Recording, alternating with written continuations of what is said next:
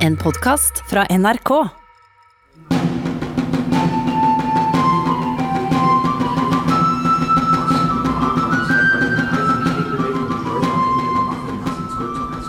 Den er stor Ja, altså, og bred. Den er jo særlig det med bredden, ikke sant, som viser at dette er et lasteskip. Dette er ikke en hurtigseiler. Nei. Eh, Dette er ikke et vikingskip som skal på plyndretokt eller krigerferd i Hafrsfjord eller der omkring. Professor Geir Atle Ersland ved Universitetet i Bergen tør være kjent for museums trofaste lyttere. Gjennom en rekke programmer har han eh, tatt oss med inn i Hansa-historien. Vi har selvfølgelig vært i Bergen, og like selvfølgelig i Hansa-byenes mor Lybekk. Videre til Visby på Gotland og til London. Og vi har funnet bergensspor i Bremen.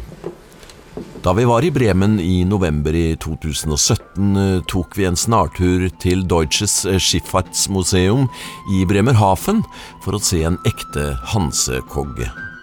Hanseatenes fraktefartøy. Handelen krevde skip med stor lastekapasitet. Opptakene derfra fikk vi ikke plass til i Bremen-programmet, men nå er tiden inne. Vi skal være litt på museet, og vi har også med Ersland på telefon fra Bergen. Museum har alltid satset på god lyd, men i disse koronatider må vi gjøre unntak. Og siden 2017 har Ersland oppdaget en ny detalj i historien om eh, Men vi starter i eh, Deutsches Schiffartsmuseum i Bremerhaven. Dette er en, et skip som er bygd for fredelig aktivitet i, i Nord-Europa. Handle med varer fra Bergen over til England. Fra England hente ull nedover til Brygge, og så uh, selge ulla og ta med seg varer som kom fra Østen, og krydder og fine tøyer, og så ta det med oppover igjen til, eh, til Hansabyene, til heimbyene, og videre østover i Nordsjøen for til Novgorod og bytte det med, med skinn og pelsvarer som var veldig ettertrakta. Så her er det jo ikke bare en trekanthandel, men dette er en handel der skipa da fører eh, varer fra den ene havna til den andre. Det er ikke fram og tilbake mellom Norge og, og, og, og England eller noe sånt. Det jeg syns er litt fint Det er fjernhandel på sitt Ja. beste, for å si det sånn. Vi har nesten fullt ruta, unntatt Novgorod, vi da. Men, Ja. eh, men eh, det jeg syns er fint, er at de har ikke forsøkt å på en måte gjøre, gjøre den hel. Nei, her har en ikke rekonstruert. Her har en brukt de, eh, de bitene en har funnet i sanden og satt de sammen. Så her ser vi, får vi jo på mange måter en, en, et, et pedagogisk grep. Både presentert selve båten og en idé om hvordan den så ut. Men òg eh, blir vi presentert for det møysommelige vitenskapelige arbeidet. Det er å plukke dette ifra hverandre, grave det ut av sanden, sette de sammen igjen. Presentere de i et museum med all den teknologien det kreves av luftfuktighet og varme osv. Er det datert eh, Ja, den er veldig godt datert, eh, fordi at dendrokronologi har jo kommet veldig langt. Altså det at en kan eh, ta prøver og, og telle årringer rett og slett, og se vekstsesonger, og dermed så kan en presis komme tilbake. Så denne er bygd i 1380. 1380. Ja. Så, så den er rett inn i, i, i den første storhetstida Ja. for hanseaten Ja. i Bergen. Og det var mange sånne. Og, og de reiste i hele dette eh, området som er Nordsjøen, Østersjøen-området, eh, vidt og bredt med varer. Så eh, sannsynligvis like kogger kom til Bergen òg.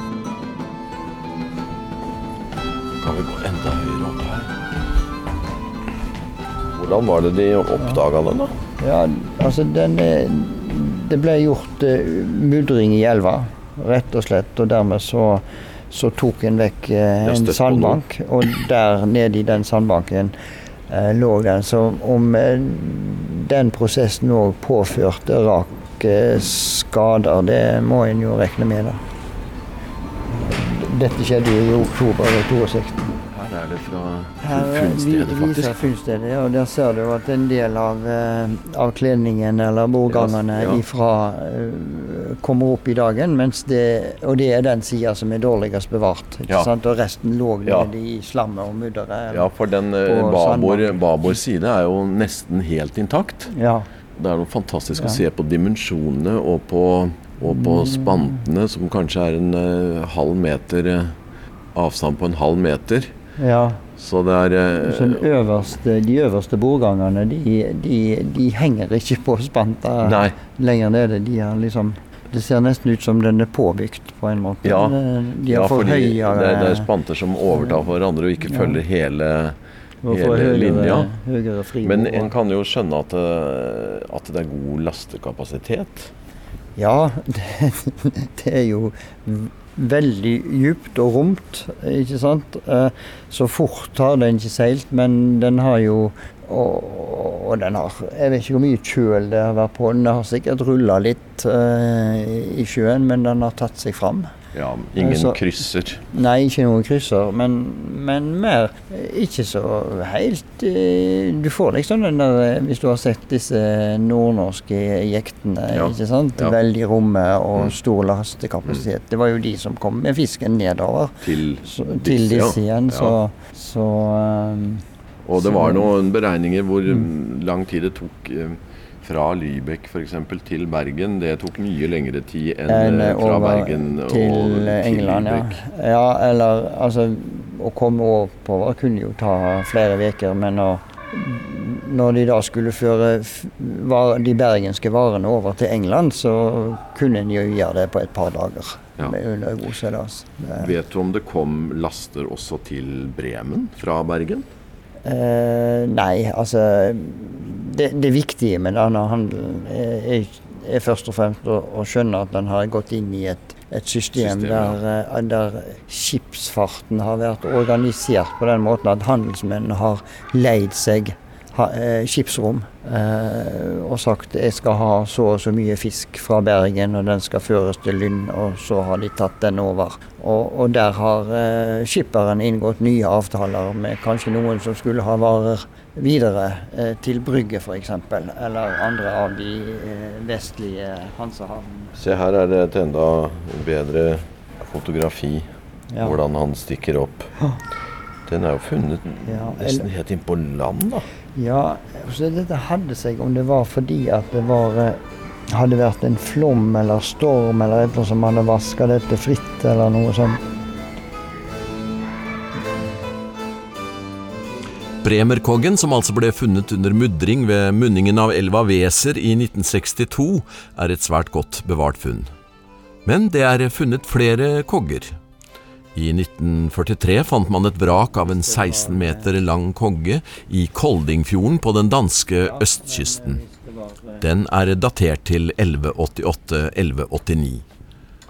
I 1978 ble det gjort funn av en 21 meter lang kogge, ganske godt bevart, i Jammerbukten på den jydske jyske vestkysten. Dendrokronologiske prøver viser at den er den eldste som er funnet. Dateringen er 1150. Senere er det funnet kogger i Nederland, ved Pernu i Estland og ved øya Pør i Mekkelborg. Og det finnes enda noen til. Men Bremerkoggen har altså fått plass i hjertet av tyskernes nasjonale maritime museum. Fartøy er viktige identitetsmarkører, sier Geir Atle Ersland. Der vi står ved en modell av svenskenes båt nummer én, selv om den gikk til bunns før de visste ordet av det. Vi er jo på Deutsche Schifffahrtsmuseum, og er, er dette båten? Er dette liksom Tysklands båt? Ja, Tysklands skip det, det er jo noe fascinerende ved dette, hvis vi ser litt perspektiv på det å finne et sånt objekt. Dette er jo en stor museumsgjenstand. Og det er blitt gjort før, det, og det ble gjort samtidig. Det mest kjente eh, samtidige skipsfunnet er jo ikke eh, Bremerkoggen, men den som vi har modell av her, nemlig Ja. Vasaskipet, som Ja. vi finner er i, i, i, eh, i, i Stockholm i dag, i, Vasamuseet. Og Vasaskipet ble jo oppdaga lå nede i gjørma utenfor eh, nei, utenfor uh, Gamla stan. I, eh, Etter mange, mange, mange, års eh, mange leting. forsøk og leting. Ja. For de visste, hadde jo dokumenter om når det sank og hvor det sank osv., men ingen fant det. Eh, men så ble det da påvist eh, på 50-tallet, og så begynte denne storslåtte prosessen med å heve dette skipet som da lå fast nede i gjørma. Og de, de, de, det ble jo gravd ut og løsna og løfta, og det ble pumpa. Så når det kom opp, så fløyt det på egen kjøl, faktisk. De hadde tetta det i prosessen. Og, og, og det ble tatt inn, og dette skjedde jo i 1961. Og så begynte den store konserveringsprosessen. Og, men dette, denne Bremerkongen, det er jo helt parallelt. Det skjer omtrent samtidig. I 1962 så finner de denne her, og så begynner den store prosessen. Den historiske, og, og, og det ender opp til med en lang prosess som ender i et, nærmest en eget museum, eller en egen museumsavdeling her. Så, så hvis du ser dette som en del av en form for eh, nasjonsbygging i etterkrigstida altså det, Sverige med sin økonomiske framgang og teknologiske framgang, men òg Vest-Tyskland med sitt eh, Wirtschaftswunder eh, på 50- og 60-tallet. Og det å ta opp et sånt skip, det blir en demonstrasjon av, av teknologisk eh, eh, ferdighet og, og, og muligheter. Altså.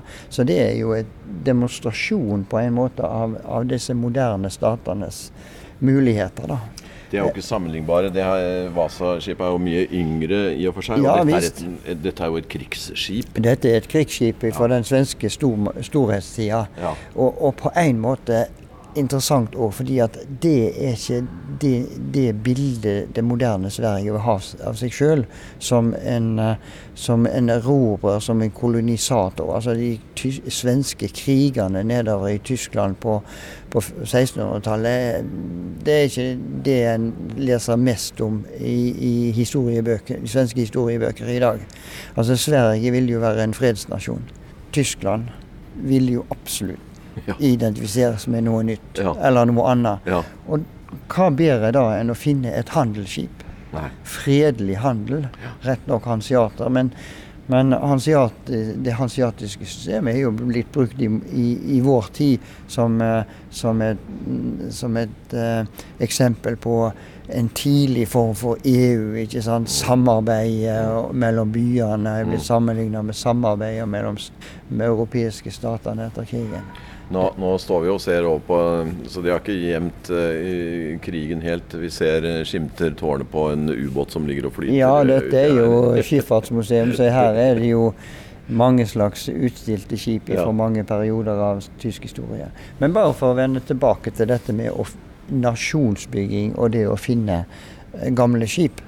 Nå er jo stjerneeksempelet Norge, faktisk, som da i, nettopp i den perioden da unionen mot Sver med Sverige går imot slutten, så, så finner de Gokstadskipet først i 1880, og så i 1902 og 1903 så er det de store utgravingene av Osebergskipet, som er liksom Tuneskipet. ja, som òg demonstrerer både norsk eh, kløktighet og vitenskapelig eh, evne på, på slutten av 1800-tallet, men samtidig òg demonstrerer eh, at dette har en stor storhet i, i, i fortida, eller historien.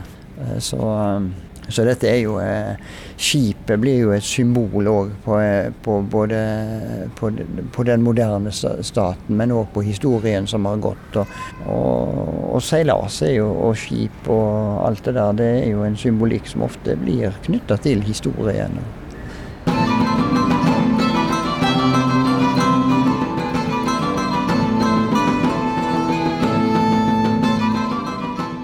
Vi skal tilbake til eh, Deutsches eh, Schifffahrtsmuseum i Bremerhaven, men nå kommer professor Ersland over telefonen fra Bergen. Han har gått til skriftene og oppdager at eh, koggene nok ikke bare kom med varer, men med noe vi er sterkt opptatt av nå for tiden. Denne skipstypen som blir kalt kogge, den er jo velkjent i norsk historie. Eh, ikke minst fordi at det, er nevnt som det skipet som kom til Bjørgvin i 1349. I, eh, og de islandske analene, som er vår eh, førstehåndskilde til, til hvordan pesten kom til Norge, så står det faktisk at i den tima sigde kogger en av Englandi. Og det betyr på den tida kom det en kogge seilende fra England.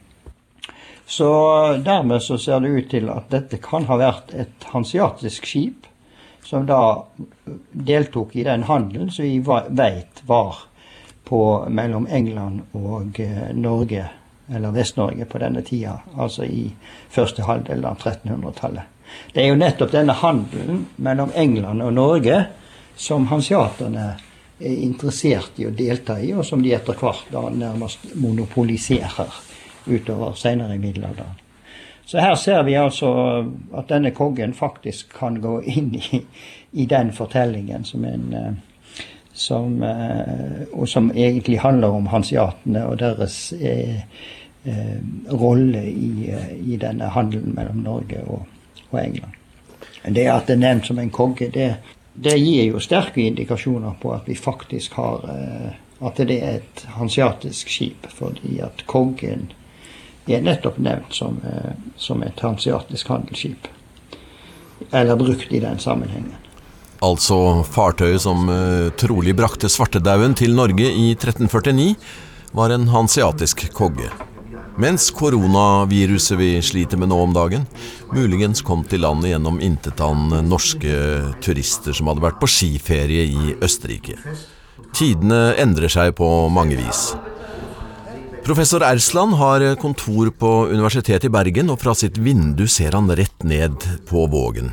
Dit koggene kom, men også hvor de nordlandske jekter fylte havnen. Denne handelen med Nord-Norge det har jo vært diskutert når den tok seg opp. Altså når denne handelen sørover med fisk. Men eh, altså, det er jo nevnt eh, bl.a. i Sverresaga eh, en episode der en møter eh, jekter eller skip på vei sørover, som må være slike eh, skip som fører med seg tørrfisk, og de skal til Bergen.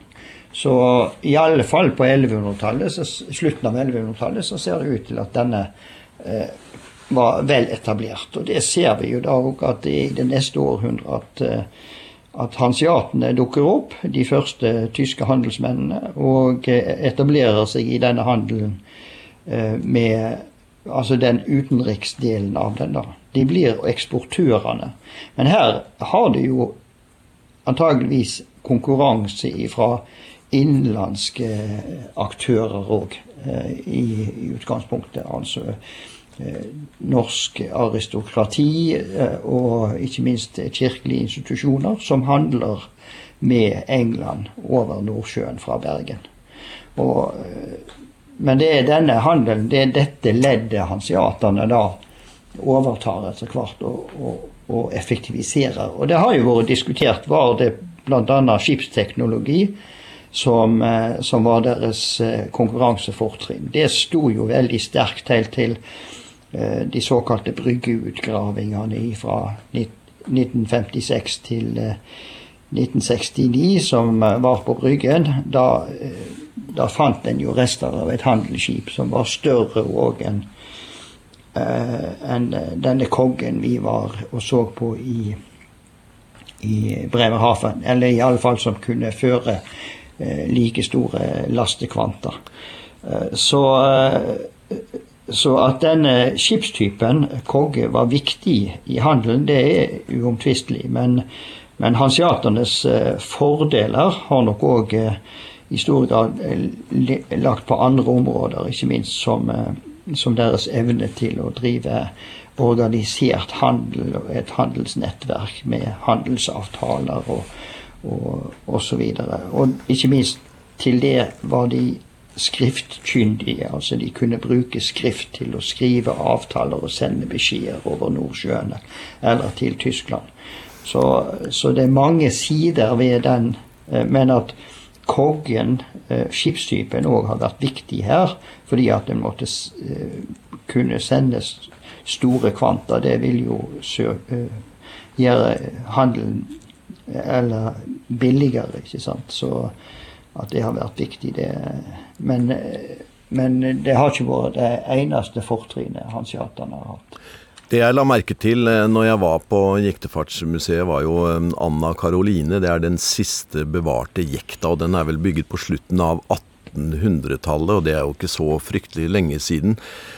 Og det var faktisk eh, likhetstrekk mellom den, der den ligger fint inne i en utstillingshall, et flott museum for øvrig, med dette store røde eh, råseilet. Den den er ikke veldig ulik eh, Hansekoggen i Bremerhaven, men her er det jo mange hundre år i, imellom. Det slo meg. Nå er det vel Skal jeg ikke uttale meg som eh, spesialist på skipsbygging, verken i middelalderen eller tidlig nytid, men at, at, at en har vært inspirert av de eh, skipstypene en så F.eks. når en var i Bergen, eh, da, og at det har eh, den kunnskapen har, har smitta nordover for å si, og inspirert båtbyggere nordover, og for så vidt i andre rettene òg, for den saks skyld. Det er, jo, det er det vel ikke grunn til å tvile på. Når det gjelder disse jektene, så, så så har vi jo avbildinger av de òg, iallfall fra 1700-tallet. Og da ser vi jo at det, det, har jo nesten ikke skjedd noe med de, eh, sånn sett. De, de, var slik som de du så der oppe i, i, eh, på museet nå. Slik var de òg, eh, iallfall på 1700-tallet og ganske sikkert på 1600-tallet og antageligvis langt tilbake.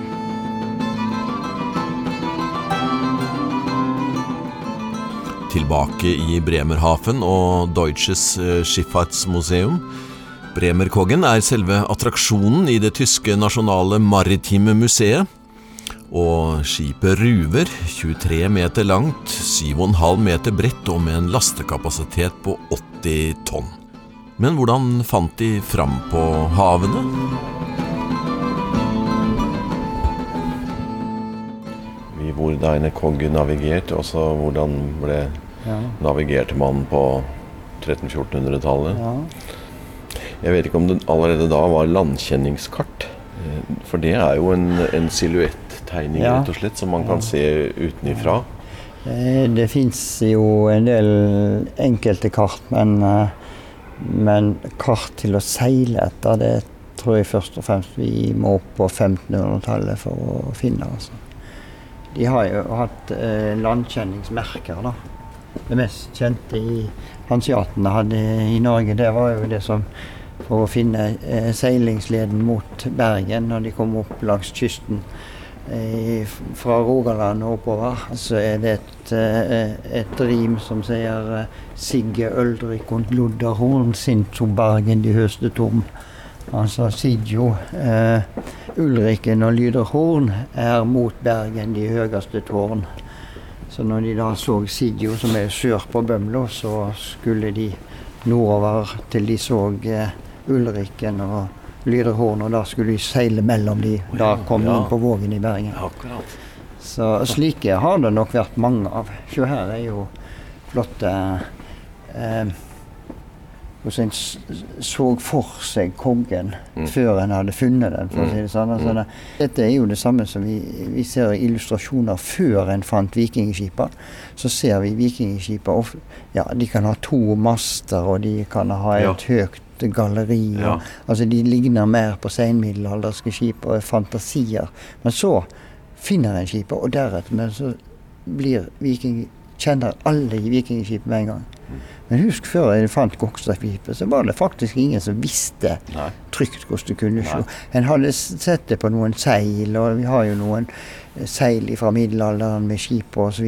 Men hvor mye kunne en stole på de? ikke sant? Uh, var det bare en stilisert framstilling osv.? Uh, uh, og vi ser jo det her òg, ikke sant?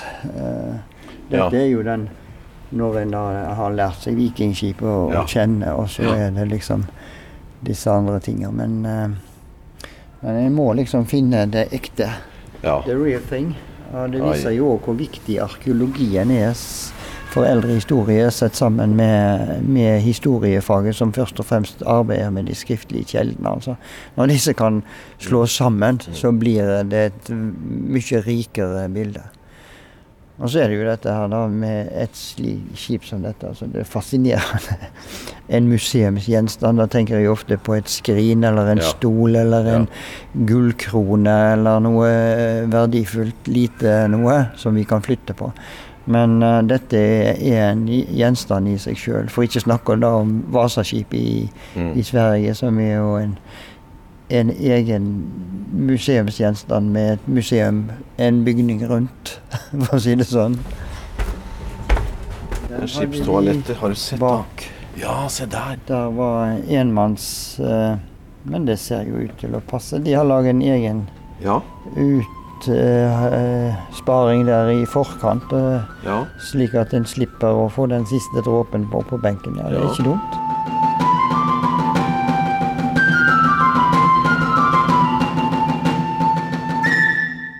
Du har hørt en podkast fra NRK. Hør flere podkaster og din NRK-kanal i appen NRK Radio.